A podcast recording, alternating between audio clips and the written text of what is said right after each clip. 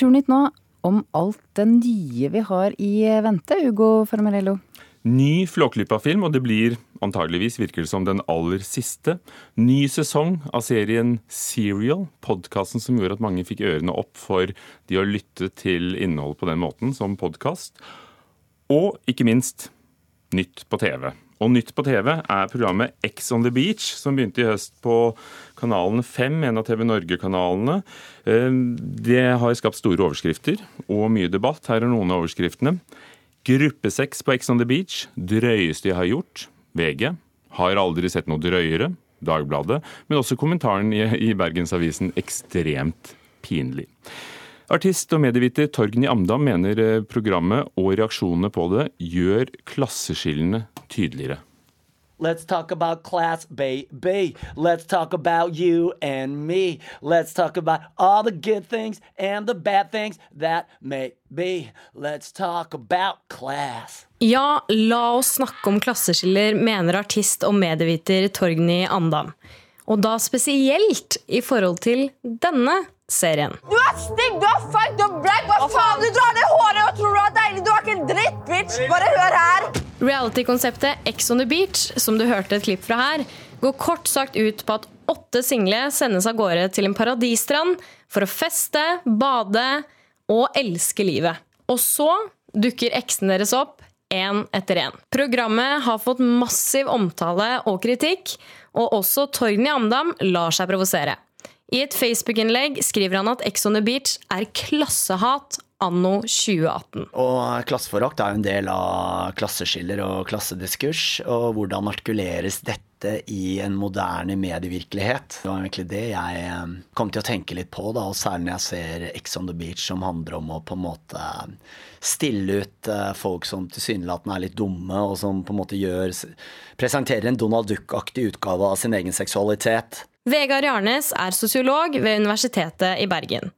Han mener at programmer som Ex on the Beach kan vise en slags klasseforskjell ved at folk som opplever at de er i en annen klasse i samfunnet, tar avstand fra slike programmer. Det å ta avstand fra andres moral eller umoral, at dette er helt forferdelig og dette er spekulativt, f.eks. at dette spiller på sex, eller hva, så er det, er det på en måte en slags sånn, sånn legitim form, eller en sånn skjult form, for å, for å ytre klasse det Torgny kaller klassehat, men eller klasseforakt. Ok, Jeg misunner faktisk Daniel litt nå. Det ligger fire kjerringer uten truse oppå pikken hennes. Ex on the Beach byr på drama, intriger, drittslenging og sex. Amdam mener at programmet er usympatisk og setter deltakerne på utstilling i et svært dårlig lys der seksualiteten deres blir en vare. Disse folka her har ikke medietrening. og Det er liksom sånn Ja, men det er jo et seriøst uh, produksjonsselskap som lager det, og da, det skal jo på en ordentlig TV-kanal. Ja, men da er det vel bra? Da er det vel greit? Nei, nei, nei. nei. Ikke tro på de som sitter med produksjonsmidlene og skal rævkjøre deg. Liksom. Ikke, ikke, ikke godta så jævlig mye. Gå inn på det der med 5000 i lanken og og, og ydmykelsen uh, komplett for resten av livet. Hanne McBride, mediesjef i Discovery Network Norge, som sender serien, er uenig i Amdam sine uttalelser og mener det er viktig for dem å vise et bredt spekter av folk i samfunnet. Jeg syns at det det, det TV-programmet gjør, eh, er å fremstille det som skjer i den villaen. Og om det er en god eller en dårlig eh, måte, det tenker jeg at det får jo bli opp til hver eh, enkelt å mene om. Jeg har eh, to lidenskaper her i livet. God litteratur og analsex. Dette er Henrik Elvejord Borg. Han er deltaker i årets Ex on the Beach. Foreløpig så angrer han ikke på deltakelsen. Men han sier at han følte seg litt som en jordbærplukker som jobbet på akkord. Lagde du mer drama, da fikk du bedre betalt, og fikk bli der lenger. Det er menneskelig menasjeri. Eh, det, det, er det ingen tvil om. Og det er jo gjerne De kaster jo ikke eh, språkforskere til, eh, til disse programmene, men Nei, for min del føler jeg at det har gått for, for forholdsvis greit. Nå er det jo ikke så gøy å se alt man har gjort på fylla hele tiden, men det er jo et valg jeg har tatt, da. Så, så det får bare være sånn det er. Det kan se ut som Ex on the Beach har kommet for å bli. Selv om Torgny Amdam helst skulle ønske at Jeg tror det er viktig å bare shut down the whole fucking shop for å, for å, for å lage noe fetere. Som løfter mennesker opp. Torgny Amdam, artist og medieviter, og reporter var Kaja Marie Andreassen. Og etter kritikken mot Ex on the Beach så viste det seg at seerne strømmet til eh, strømmetjenesten Dplay og satte rekord der. Til sammen 188 000 så første episode i løpet av de første to døgnene. Og når det handler om TV-serier, så er det noen som kan stå i fare nå. Fordi filmstreiken, som har vart i snart tre uker, kan gå utover flere store norske produksjoner. Eh, Det har ennå ikke kommet til noen løsning altså mellom Norsk Filmforbund og Virke. For eh, spesielt én serie kan det bety faktisk kroken på døren, kulturreporter Linda Marie Fedler. Ja, Dagbladet skriver i dag om at det er innspillingen av TV-krimserien Wisting det har begynt å spøke for. For det er nemlig full stans i produksjonen, og produsenten for serien sier at de må i gang med innspillingen igjen innen to uker. Hvis ikke så kan det bety at serien må skrotes. Og det er jo fordi at eh, alle som jobber med produksjonen, de skal eh, over på andre prosjekter og jobbe med de.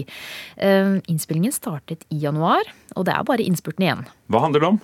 Det handler om, eh, om drapsetterforsker William Wisting, basert på forfatter Jørn Horst Lier sin eh, krimserie. Eh, Det er Sven Nordin som spiller hovedrollen, og budsjettet det ligger i 100-millionersklassen. Eh, Og, og 20 millioner er, er støtte fra Filminstituttets insentivordning, så vi får se hvordan det går med streiken og Wisting. Now I've been trying to relieve all of this tension and I'm spending hours trying to change my comprehension of time. So I cop another G-Shock, but it don't work. Cause I'm trying to outrun the I don't really see it a lot, but I'm good. Hvorfor har du lagt den norske artisten Lido på platespilleren? Du, Det er jo fordi at Lido, eller Peder Losnegård som han heter, har blitt signert av stjerneprodusenten Rick Rubin. Og det navnet det er jo ganske kjent, selv om det kanskje ikke ringer en stor bjelle for alle. Det er verdt å nevne at Rubin er mannen bak verdensstjerner som JC, Kanye West, Lady Gaga, Adele, Eminem og Metallica. Jeg kan nevne i fleng, men eh, dette får vel holde. Eh, Lido sier at eh, Rubin er en alternativ type med filosofiske og spirituelle tanker om verden, og at han i stor grad jobber med å guide mennesker innenfor sitt felt. Så nå kan vi bare håpe at eh, denne mannen kan guide vår Lido ut i verden.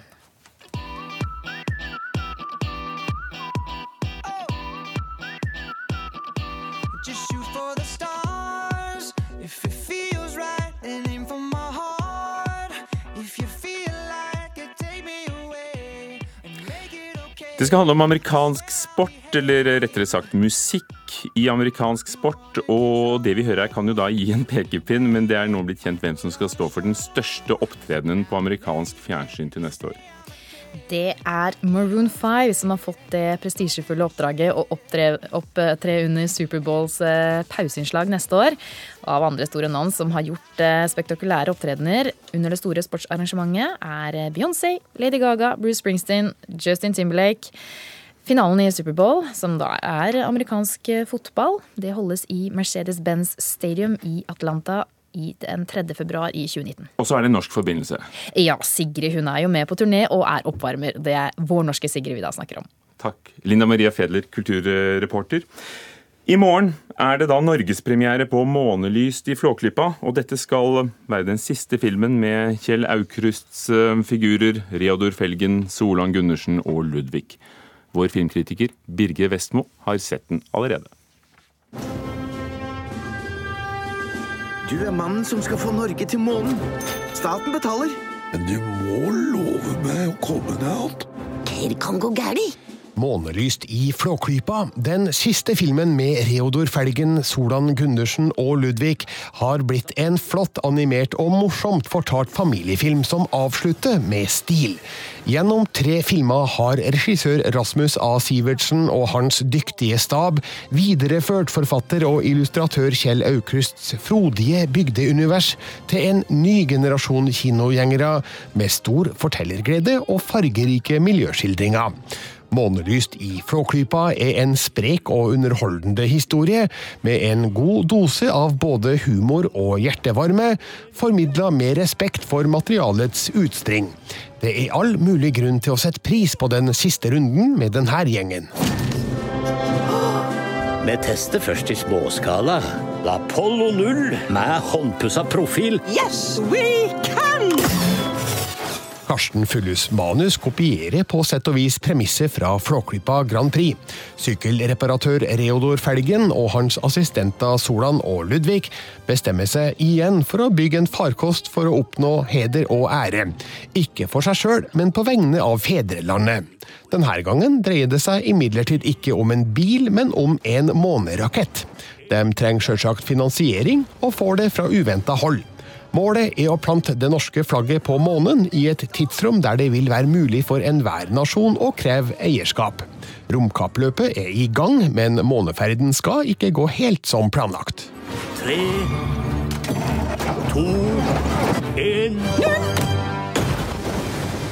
Den kameratslige dynamikken mellom hovedfigurene er like varm, hyggelig og elskverdig som i de andre Flåklypa-filmene. Når historien etter hvert beveger seg ut i verdensrommet, får vi noen virkelig vakre og spektakulære sekvenser, med flere morsomme referanser til både Stanley Kubricks 2001 En romodyssé og den ulykksalige Apollo 13-ekspedisjonen. Dette går av veien. Vi må gjøre noe! Vi må snappe! Månelyst i Flåklypa holder like høy og imponerende kvalitet på både stop motion-animasjon og det fortellertekniske som Solan og Ludvig Jul i Flåklypa fra 2013 og Solan og Ludvig Herfra til Flåklypa fra 2015, som til sammen ble sett av over 1,3 millioner på kino. Kjell Aukrust ville utvilsomt vært stolt av hvor godt arven hans har vært forvalta gjennom de her filmene, og det er nesten for ille at Kvisten Animasjon, Maipo Film og Nordisk Filmdistribusjon setter strek nå. Det her er for bra til å ta slutt. Flåklypa, vi har et problem. For det er jo blitt litt av et fenomen, Flåklypa i Norge. månedvis til Flåklypa. Premiere i morgen på norske kinoer, anmeldt av Birger Vestmo. Og så er det mange som har ventet på dette. This is a Global Tel-Link prepaid call from Adnan Sayed. an inmate at a Maryland Correctional Facility. Mange fikk smak på podkast da krimserien Serial begynte i 2014. Gjennom flere episoder undersøkte journalist Sarah Koenig hva som skjedde da Hei Ha Min Lee ble drept i Baltimore i 1999, og var det virkelig eksen hennes som hadde tatt livet? Etter bare få uker var Serial lastet ned fem millioner ganger, og det var ny rekord. Og i dag starter tredje sesong av Serial, og den tar mål av seg å snu og se på hele rettsvesenet. Journalist og dokumentarist her i NRK, Kari Hesthamar, hva var det som grep publikum, og kanskje også deg, da Serial først kom? Det var fortellermåten, tror jeg. Rett og slett at de bedrev undersøkende journalistikk, fortalt som historiefortelling, og der hun tok lytterne med inn på alle dilemmaene på undersøkelsene, men en helt annen måte å fortelle i den sjangeren på. Da var det én historie, og, og de hadde jo ikke løsningen engang. De, de, Da de gikk i gang, kan det bli like spennende? Hvilke forventninger har du når de sier at de skal se på rettssystemet, i hvert fall sånn det fungerer i, i Baltimore?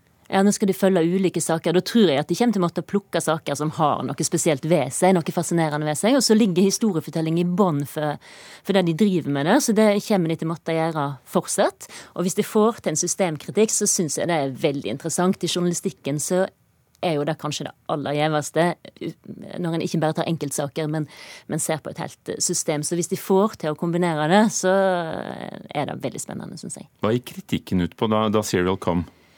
Nei, det eh, er jo eh, etikk, blant annet. En sånn måte å fortelle på, og særlig drapsofferet sin familie da, syns eh, at dette var en eh, ubetimelig måte å ta i saken på. Og siden er det jo kommet krimpodder, som de kalles, også i Norge. Har Serial påvirket oss også?